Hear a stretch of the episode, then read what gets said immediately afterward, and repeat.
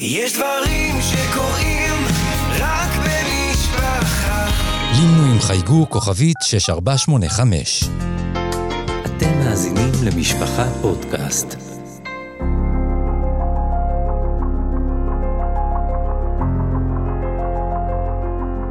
צו השעה, שיחות עם אנשי מקצוע על הורות וחינוך בשעת חירום. מגיש יהודה איזקוביץ'. זמני חירום הם קשים לכולנו. סדרי בראשית מתערערים, העתיד מעורפל, והמצב הזה יוצר בלבול וחוסר יציבות. אך בתוך המצב הלא פשוט הזה, יש אנשים שעבורם ההתמודדות קשה אף יותר. ואלה הם אנשים עם אתגרי קשב וריכוז. כדי להבין את מה שעובר עליהם וכיצד ניתן להתמודד טוב יותר עם המצב, הזמנו לאולפן את דוקטור חיים דיין, מומחה להפרעות קשב וריכוז ויושב ראש מכון הקשב. שלום לך ותודה שבאת. תודה שהזמנת אותי. טוב, אז קודם כל השאלה המתבקשת היא, מה זה בעצם אנשים עם אתגרי קשב וריכוז? מה זה בדיוק? הפרעת קשב וריכוז, ADHD, מאופיינת בסוג סגנון מסוים של תפקוד, שמתבטא בארבעה אה, תחומים עיקריים. יכולת ריכוז, מיקוד לאורך זמן, יכולת אה, התארגנות בצורה יעילה בזמנים או בחפצים או במידע, יכולת לנהל, לארגן, יכולת להתאפק, לדחות סיפוקים, בין אם זה אה, רצון לומר משהו, או להזיז את היד, או לאכול, או חברים, או כל אה, רצון אחר, יכולת לווסת אותו, להתאפק, להמתין בתור למשל, ויכולת תנועתיות, כלומר עודף, או לפעמים אפילו חוסר, או תנודתיות של אנרגיה, או של תנועתיות בגוף, זה יכול להתבטא בתזוזות רבות, במה שנקרא היפר. בתזוזות רבות, בדיבור מרובה, אצל בנות למשל, לפעמים יהיה בולט יותר ב... בדיבור מאשר בהתנהגות. ארבעת הפרמטרים האלה, ריכוז, התארגנות, איפוק ותנועתיות, מודדים אותם ברמה מסוימת והם בעצם מהווים אה, אה, את הפרעת קשב, כאשר יש קשיים בלפחות שניים מהדברים האלה. אני נמנעתי מלקרוא לזה הפרעה, קראנו לזה אנשים עם אתגרי קשב וריכוז, כי לא בהכרח מדובר במשהו שלילי. אנחנו צריכים את ההפרעה הזאת במרכאות. זאת אומרת, יש בזה גם יתרונות לאנשים שיש להם את התסמינים האלה שדיברנו קודם. איפה זה מתבטא בעצם?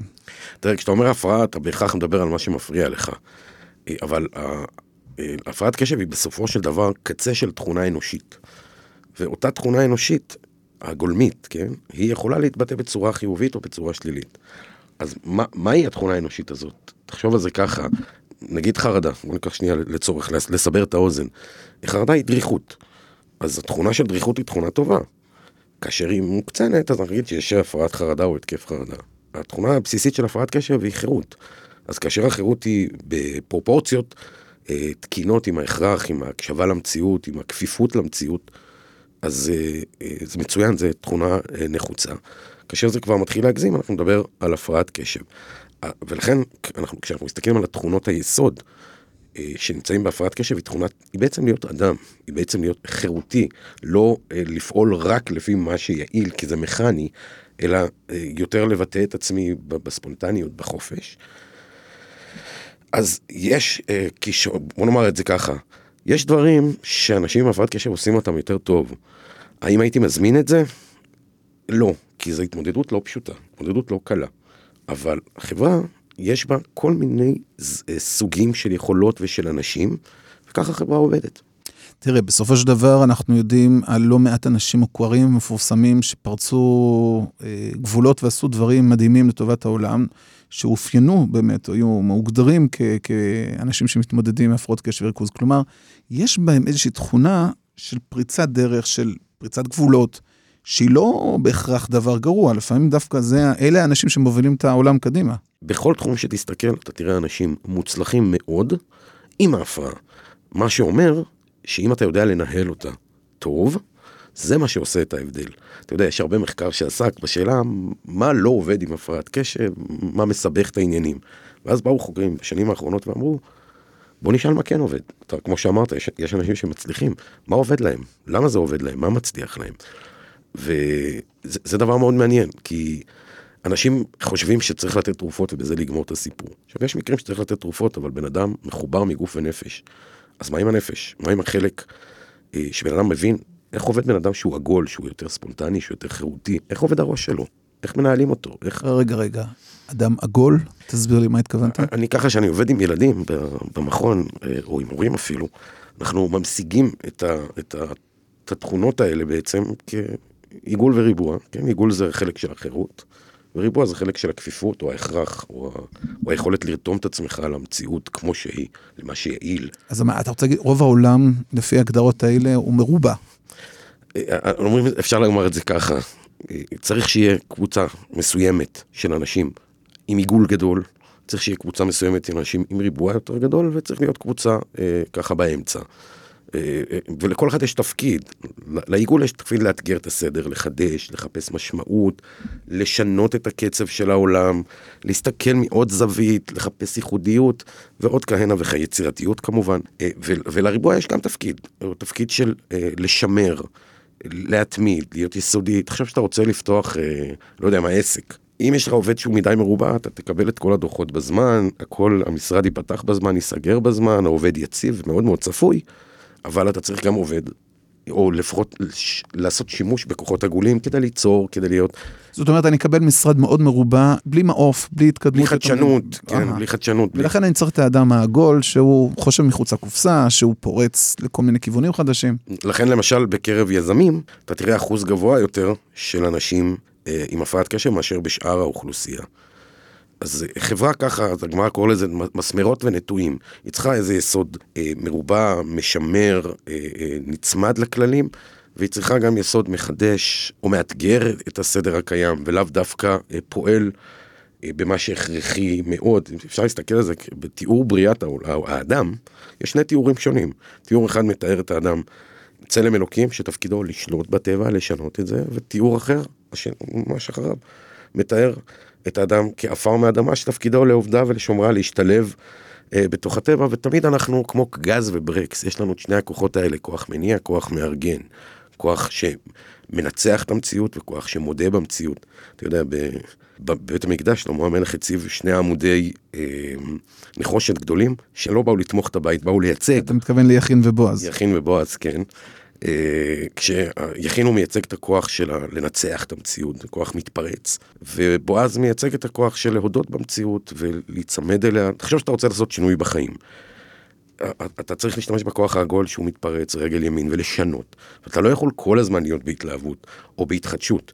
אתה חייב להכניס משהו לאיזושהי רוטינה, ואז אתה עם רגל שמאל, עם כוח הבועז, אתה, אתה מכניס את הדברים לאיזה שהם הרגלים ומוריד אותם, ממך זורק אותם על היומן או על משהו כזה. כשאנחנו רוצים ללמד את זה את הילדים, אז יש לנו ממש אה, סיפור על יכין ובועז, שני אחים, אחד יותר נוטה לעיגול, אחד נוטה יותר לריבוע, והם עושים איזשהו אה, מסע, טיול שהם יוצאים, בכל תחנה הם לומדים משהו, ולאט לאט הם מבינים שהם רוצים אחד את השני.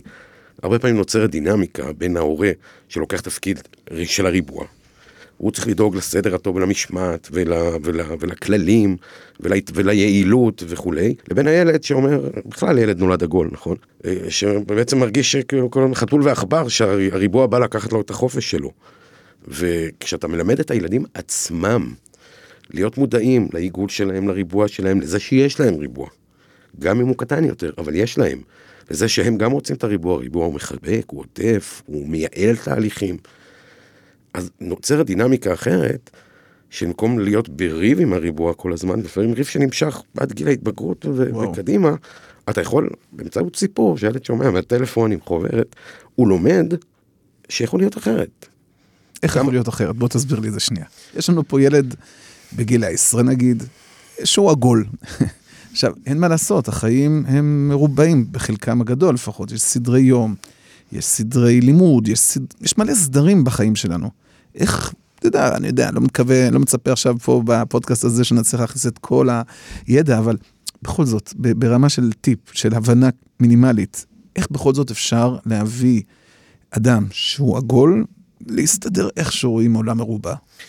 לקחת את גיל ההתבגרות. כן. תחשוב שאתה יושב עם בחור, והוא עושה את הסוויץ' בין הישיבה, או המסגרת, או הסמינר, לא משנה, אה, לוקח לו את החירות, והוא צריך רק ל- ל- למצוא איך להיפטר, להסתכלות אחרת לגמרי, שהוא אומר, אני רוצה, יש לי מטרות בחיים. והישיבה או הסמינר, זה הסופרמרקט שאני לוקח ממנו את מה שאני רוצה. ואז ההתייחסות שלו היא אחרת. עכשיו, זה לא... הוא, הוא לא מרגיש שלוקחים לו, הוא מרגיש שהוא לוקח. הוא לא מרגיש שהריבוע שולט עליו, אלא הוא משתמש בריבוע. זה לא אומר שלא צריך לעשות התאמות. ילדים עם הפרעת קשב זקוקים באמת למרחב יותר גדול. שלא ישתמע שכאילו רק צריך למצוא שיטות איך לדחוף להם את הריבוע. לא, הם נועדו להיות עגולים. זה אחת הטעויות שאני רואה הרבה פעמים, שהורים כל הזמן מצפים, מתי הילד ישתנה, מתי הוא יהיה אחר, או למה הוא לא לוקח תרופה. עכשיו, למה, למה שילד ייקח תרופה אם בעצם כל מה שהתרופה אומרת, זה אתה מקולקל. בוא נתקן אותך. אז אם אני לוקח תרופה, אני מודה שאני מקולקל. ואף אחד לא מוכן לקבל את למה שאני ההבחנה רוצה? הזאת. אז, אז השאלה תמיד תהיה, מי, מי שכן מוכן, למה הוא מוכן? אם הסבירו לו את, את, התופעה הנכון, אם הסבירו לו מה המשמעות של, של טיפול תרופתי. ובכל זאת, לפני התרופות, בוא ניקח באמת דוגמה קלאסית. לקום בבוקר לעשות x, y, z. איך אני גורם לילד עגול כזה שאומר לי, עוד מעט, אני, לא יודע, כל מיני תירוצים שהם כאלה. לגרום לו בכל זאת לקום, למרות שהוא מאוד לא בא לו. הורה הרבה פעמים נשאב ל, ל, לריבוע. זאת אומרת, הוא אומר, הילד הזה מספיק עגול, עיגול יש לו בשפע. אני צריך לתת לו ריבוע. והוא לא מבין נקודה אחת. שבשביל שהעיגול יסכים להיכנס לריבוע, הוא צריך להרגיש שאתה ההורה דואג לעיגול שלו. אני אתן לך דוגמה, אני לא אומר שזה עובד לכל מקרה, אבל אני מכיר כמה וכמה מקרים שזה עבד. במקום שהאימא תריב עם הילדה בבוקר לקום, היא באה אליו ומחבקת אותה ואומרת לה, מבאס לקום עכשיו, קר בחוץ, יש לך שיעורים ארוכים. מחבקת אותה, מנשקת אותה, והיא יוצאת ואומרת אחרי כמה דקות הילדה קמה. כמובן שזה לא עובד ככה לבד, כי יש גם עוד דברים של לגרום לילד להסתכל על ה... אבל מה בכל זאת קרה פה ב... הנקודה היא שברגע שההורה דואג לעיגול, אני יכול שנייה אחת ללכת אחורה ולהגיד, אה, בסדר, העיגול שלי מוגן. אני יכול להסתכל על הריבוע, הרי הילד הוא, הוא בריא. ילד, כן, ילד עם הפרעת קשב, הוא בריא, הוא לא אדם פסיכוטי, הוא לא, לא יכול להקשיב למציאות. הוא נמצא באיזשהו לופ כזה שהוא חייב להגן על החירות שלו. ואז אין לו את הפנאי, או את הפניות, יותר נכון, להסתכל על האינטרס שלו בריבוע, כי בסוף הריבוע זה אינטרס שלו. אבל אתה תמיד עסוק בצורך יותר מוקדם. תראה, כאשר תינוק, אה, אפילו תינוק או עובר אפילו, העולם מתאים את עצמו אליו. נכון? הוא לא צריך, מהר"ל אומר שאם אם המלאך לא היה סותר לתינוק על הפנים, הוא לא היה מתאמץ לתינוק. הוא לא היה מתאמץ לתינוק והיה מת. זאת אומרת, אתה מכיר את זה שאתה נותן לילד שקית, אה, לא יודע, לקחת משהו, אומר, זה כבד, זה, למה נותנים רק לי עבודה? אתה אומר, למה, נראה, למה העבודה נראית לו כל כך גדולה? היא נראית לו גדולה כי מנקודת המבט שלו, הוא אמור להיות בחירות גמורה. כמו האדם הראשון, מלאכים אה, צולעים לו בשר, מסננים לו יין. כל המצב הזה שאנחנו צריכים להתאמץ ולעשות משהו, זה חידוש בעיניו. הוא עוד לא התרגל לזה. וכשאתה מסתכל על נקודת המבט שלו, שהתינוק, הכל מגיע אליו, והוא צריך בעצם לוותר על חירות מאוד מאוד גדולה ולהיכנס למציאות. בשביל שהוא יסכים לעשות את זה, הוא צריך להרגיש שהעיגול שלו, או שהחירות שלו, היא בטוחה. זה הנושא המרכזי של ילד שהוא מאותגר בהפרעות קשב וריכוז, ההגנה על העיגול שלו, זאת אומרת, זה, זה ההורים צריכים להכניס את זה לראש כל הזמן, תזכור. זה, זה אחד מהכלים המרכזיים, ושצריך ככה לקבל אומץ לעשות את זה, כי התחושה כל הזמן, הוא יותר מדי עגול, צריך לתת לו ריבוע, לא צריך לתת לו עיגול. אבל זה, זה נכון שצריך לתת לו ריבוע, אבל השאלה איך אתה נותן לו את זה. מה התהליך שאתה יוצר איתו, איך אתה מביא אותו, שהוא ירצה את הריבוע. כשאתה מדבר עם העיגול במונחים של עלות תועלת, זה לא מעניין אותו. כי זה לא השפה שלו. כי זה בדיוק, זה לא השפה שלו. אם הוא יתחשב במונחים, הוא יכיר במגבלה בעצם. ואז הוא לא יהיה הוא. אתה צריך לדבר איתו מהמקום שלו. איך הוא רואה את הדברים. אז זה בעצם מפתח שפה ייחודית, ממש מותאמת. לצורת החשיבה שלו. זה ממש מה שאנחנו עושים בתוכנית מצליחים, אנחנו מתרגלים את זה עם ההורים, יש להם אה, משקפיים עם אה, עדשה עגולה ועדשה מרובעת. אה, ככה. יש כובע עגול וכובע מרובע, לפעמים אתה צריך לתת, להתאים את הילד לעולם. לפעמים אתה צריך להתאים את העולם לילד. ואתה צריך לתזז עם זה. הנקודה היא שאנחנו כאילו נשאבים לעסוק בריבוע. אם אתה מכניס, מאזן את התמונה, ונותן גם מקום לעיגול, אתה יכול גם לעבוד יותר עם הריבוע. וואו. טוב, אז כל הידע המוקדם הזה מביא אותנו לנושא המרכזי שלשמו התכנסנו כאן היום, והנושא של אה, מה קורה באמת בזמני חירום, עת מלחמה. כולנו נמצאים במצב לא יציב. איך מישהו מאותגר, אדם מאותגר בהפרעות קשב וריכוז, מתמודד בזמן כזה? האם יש משהו שונה אצלו מאשר אצל אדם אחר? עשינו עכשיו תוכנית מיוחד בזמן המלחמה, עם אה, כמה מאות אה, משתתפים. ואנחנו ככה מסתכלים לראות על ההשפעות שיש ל- למצב החירום על, על המצב של הילדים. כאשר אתה מתמודד, אתה מוסיף על זה את ההתמודדות של מלחמה, לחץ, מתח, אה, מתח של ההורים, אה, לפעמים התערערות של המסגרת אה, הקיימת, כי תזכור שאם אני עגול, אני זקוק לריבוע מבחוץ. ואם השגרה השתבשה, אז אין לי. אז אין לי, אז יותר קשה לי. לכן אנחנו רואים בחופש לפעמים, או בסופי שבוע, יותר החמרה של התנהגות, כי אני, יש מין פרדוקס כזה, אני צריך את הריבוע מבחוץ, אבל גם אני לא רוצה את הריבוע. אז זה, זה tricky. הם גם חווים את האירועים בצורה יותר אה, יש- קיצונית? יש אחוז נכבד מהילדים עם הפרעת קשב שזה מלווה בחוויה רגשית עגולה יותר. אנחנו קוראים לזה בשפה עם הילדים רגש עגול ורגש מרובע, אז אצלם יש רגש עגול יותר דומיננטי. וזה אומר שהם חיים מאוד, הם חווים מאוד בעוצמה יותר גדולה, אה, ולכן יש אה, לפעמים יותר אה, חרדה, למשל. חרדה זה הסחרחורת של החופש. אז יש לפעמים יותר חרדה כי אתה, אתה עף עם הרגש, אתה לא, אתה לא מווסת אותו, אתה לא עוצר אותו, ולכן יש יותר קשיים כאשר יש מצבי קיצון. עכשיו, האמת היא שמה שאנחנו עושים עם הילדים עם הפרעת קשב יכול לעזור לעוד הרבה ילדים אחרים. התקשורת עם ההורה, היכולת של ההורה לראות את נקודת המבט של הילד, גם אם הוא לא מסכים איתו בכלל. הוא יכול אפילו לחזור ולומר לך מה הוא חושב, זה לא תמיד פשוט. כשאתה מצליח להראות לו, איך שאתה רואה את הצד שלו, אתה מהווה- דוגמה אישית שהוא יכול לראות את הצד שלך, ואז אתם יכולים לדבר. אבל אתה יודע עם מי אתה מדבר, כשאתה אומר לילד, כנס להתקלח. מבחינתך צריך להתקלח, ולא מבחינתו, הוא עסוק בדבר מאוד מאוד חשוב. אתה מטריד אותו עם דברים של אמהות, מקלחות, אה, סתם זה דבר, זה טפל. נו, תן לי עכשיו, הנה, הבאת לי דוגמה מצוינת. אני רוצה להגיד לילד שלי איך להתקלח, כי השעה כבר שמונה בערב, הגיע הזמן אה, להתקלח. אז, והוא אומר, לא, הוא, הוא בעצם חי בתחושה שאני משגע אותו עכשיו. אז יש כמה טכניקות, אבל קודם כל עצם העובדה שאתה ניגש לילד, וכל השיח שלך ככה, ואני אומר, אני יודע שאתה עסוק עכשיו במשהו מאוד מאוד חשוב. או. בוא נראה, אני רוצה אבל, אתה יודע, יש לנו פה כללים בבית, ואני רוצה שתיכנס להתקלח. מה אנחנו סוגרים? זה נקודה, כיוון אחד. כאילו משא אחר, ומתן איתו, כן, אתה, אתה מחליט איפה אתה מכניס משא ומתן ואיפה לא. אבל כן, אחד הטריקים שעובדים איתם זה לעשות בין השמשות. אתה אומר לילד, קום, משבע עד שבע ורבע אתה רשאי להתהפך במיטה. כשהמפגש בין העיגול לריבוע הוא לא חזיתי, אלא יש באמצע סחוס של בין השמשות, לפעמים מוריד את, ה, את החשק להתנגח. החוכמה היא לא להיכנס לפינות, למעט בדברים מאוד מאוד מאוד מסוימים שמוגדרים, מתוכננים מראש, מחושבים, לא להיכנס לפינות.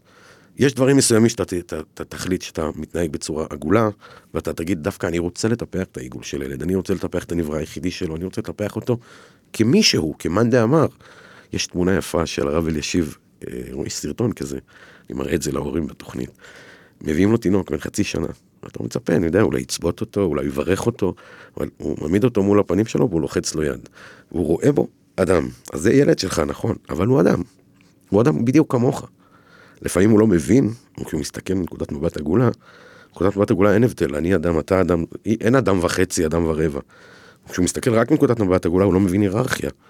ואז הוא לא מבין למה אומרים שהוא חוצפן, כי הוא אמר את האמת, נכון? מנקודת מבט מרובעת, יש סדר וכולי וכולי. אז לפעמים אנחנו צריכים להסתכל מנקודת מבט עגולה ולהגיד, נכון, אתה אדם ואתה רוצה משהו, אני צריך לבטל את דעתי מפני דעתך. אני מכניס את העיגול שלי, ההורה, לתוך הריבוע, אני מתאפק. ואני יכול לתת לו דוגמה אישית לעשות את זה. אני אומר את זה על רגל אחת, אני יודע שזה עובד. אני יודע כי אנחנו פשוט מודדים ממש שאלונים מאוד מקיפים לפני התוכנית, ואחרי 12 שבועות אנחנו מודדים עוד פעם. ואתה רואה באמת, יש לנו מאות בוגרים של מצליחים, ואנחנו רואים שיפור אה, מובהק בתפקודים שלו, בהרבה תפקודים שאנחנו מודדים אותם. אז זה עובד, אז זה מצריך עבודה. מצריך עבודה, אה, אתה יודע, ב, ב, ב, יש כל מיני אסכולות, גישות איך לטפל בהפרעה. בארצות הברית, הקו הגנה הראשון הוא תן תרופה, שלום, סע הביתה. שזה השיטה. באירופה, זה קצת משפיע. באירופה זה לא הולך ככה. אומרים לך בוא תעבוד, בוא קח טיפול, קח הדרכה. פה בארץ מאוד קשה לגייס אה, את הרשויות לתת אה, הדרכה? טיפול מונע והדרכה, הם רגילים הרבה לכבות שריפות. גם. תרופות וזהו? תרופות וזהו, כן. הבנתי. ובכל יש, זאת, יש קצת טיפולים, אבל לא בהיקפים שהיה ראוי. אגב, משרד הבריאות מודה בזה. בכל זאת עכשיו, כשאני נמצא, מאזינים שלנו דוגמה שמכירים בילד שלהם שיש לו כאלה אה, הפרעות, איך בכל זאת מול האירועים שקורים או הדברים, איך בכל זאת ניתן לדבר, טכניקות פשוטות שניתן בכל זאת לדבר עם ילד כזה, ולאפשר לו להכיל את האירוע בצורה טובה יותר. הילדים עם הפרעת קשב לא ירדו ממאדים. מה שאתם מדברים עם כל ילד. הם, הם אותו דבר כמו כל האנשים, פשוט אצלם העיגול קצת יותר גדול מאחרים. הרב שטיינמן אמר, סיפר לי את זה מנהל תלמוד תורה של תורת אמת, הרב פרידנדלר. פעם הוא התייעץ עם הרב שטיינמן על הפרעת קשב. אז אמרנו, תקשיב, לכל אחד יש קצת הפרעת קשב. ההבדל בכמות. יש מחקרים שמראים שהתכונות האלה נמצאות בכלל האוכלוסייה, רק לא ברמה של הבחנה. אז פשוט צריך, אני אסכם את זה ככה. אתה מטפל בילד עם הפרעת קשב זה כמו שאתה מטפל בילד אחר. אתה פשוט צריך להיות יותר מיומן, יותר משוכלל, יותר ערני. כל ילד רוצה שתראה את נקודת המבט שלו, כל ילד צריך שההורה יתווך לו את הסיטואציה. כל ילד מסתכל על ההורה, ההורה שלי מפחד, ההורה שלי רגוע, ההורה שלי יודע לנשום עמוק, הוא מעתיק, אין לו מאיפה, הוא מעתיק מההורה. אז מה שאתם עושים, פשוט תהיו יותר משוכללים, יותר ערניים, יותר קשובים לראש של הילד, להסתכלות של הילד, לתגובה של הילד.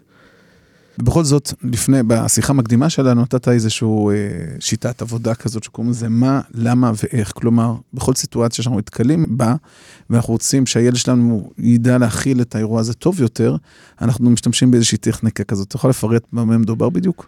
כן, היה אה, חוקר סוציולוג רפואי אה, בשם אהרון אנטונובסקי, בן גוריון. הוא שאל את עצמו, איך זה שאנשים שהיו, חיו בשואה, שניצולי שואה, לא נשארו תקועים במחנות פליטים, וקמו ועשו, ו... ואז הוא חקר את הנושא הזה לעומק, והוא אמר שהראה שאדם שיודע לענות לעצמו על שלוש, שיש לו שלוש תכונות, זה נקרא תחושת קוהרנטיות. יכולת להבין את הסיטואציה שאתה מתמודד איתה, יכולת למצוא בה משמעות, יכולת לחוש שאתה מסוגל לנהל אותה, מה, למה, איך, מה קורה לי, למה קורה לי, איך אני מתמודד. או אומן, אפיון, משמעות, ניהול בשפה היותר גבוהה של זה. זה מנבא התמודדות טובה יותר עם כל מיני מצוקות ואתגרים, בדקו את זה בכל העולם. על מחלות, על תאונות, על אסונות. אה, אה, אני בדוקטורט שלי בדקתי את זה על הפרעת קשב, ואנחנו רואים שאנשים שיש להם תחושת קוהרנטיות גבוהה, כלומר, יש להם סדר במחשבות, יש להם משמעות, או להפוך גורל לייעוד. תחשוב, אני עגול, או אני עם הפרעת קשב כי אני דפוק, או כי יש לי איזה תפקיד בעולם, mm-hmm. משמעות אחרת לגמרי. אני לא מסוגל, או אין לי ריבוע, או יש לי ריבוע, אני צריך להשתמש בפטנט שעוזר לי להפעיל את אותו ריבוע. אז הכלי הזה, מה למה איך, הוא כלי שהוא טוב לכל החיים. כשיש התמודדות, כשיש אתגר, כשיש איזו משימה או יעד שאנחנו רוצים, בוא נשאל את עצמנו שלושת השאלות. האם ברור מה אנחנו רוצים? למה אנחנו רוצים? למה זה חשוב לנו? והאם אנחנו מרגישים שאנחנו מסוגלים עם תוכנית עבודה מעשית לעשות את זה? זה כמובן על קצה המזלג, זה ראוי לשיחה בפני עצמו, הכלי הזה, הוא כלי מאוד מאוד משוכלל. כן, נשמע ככה. כן, אבל הוא מראה את עצמו במחקרים. אני בדוקטורט בדקתי על 4,000 אנשים, קרוב ל-4,000 אנשים, אה, תמיד יש שיפוע. כמה שיש יותר הפרעת קשב, יש יותר קשיים רגשיים, התנהגותיים. כאשר אתה מכניס למודל את הרמת המלא שיש לאנשים, את היכולת שלהם לעשות את זה, הקשר... מלא זה ראשי תיבות של המה, למה ואיך. אוקיי. הקשר בין ההפרעה לבין כל התוצאות השליליות שלה משתטח, פשוט וואו. נעלם. אז אה, נעשה על זה אולי שיחה אה, פעם אחרת, אבל תרגמנו את זה לכלי מעשי, וזה עובד. נהדר. טוב, טוב, תשמע. טוב היה לדבר איתך, וטוב שיש לנו איזשהו משהו בכל זאת שאנחנו באמת מהשיחה הזאת יכולים לצאת, ובמידה ויש לנו אנשים סביבנו עם אותם הפרעות, מתמודדים עם אותם דברים, באמת נוכל אולי לסייע להם וגם לנו להתנהל מולם בצורה טובה יותר. אז תודה רבה לך על השיחה הזאת, ואני מקווה שניפגש עוד בהמשך. תודה רבה לך, היה מאוד מעניין לדבר איתך. תודה.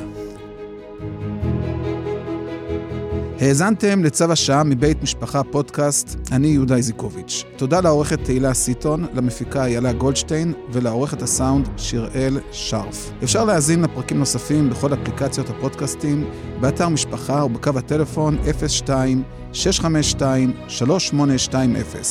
שלוחה 45.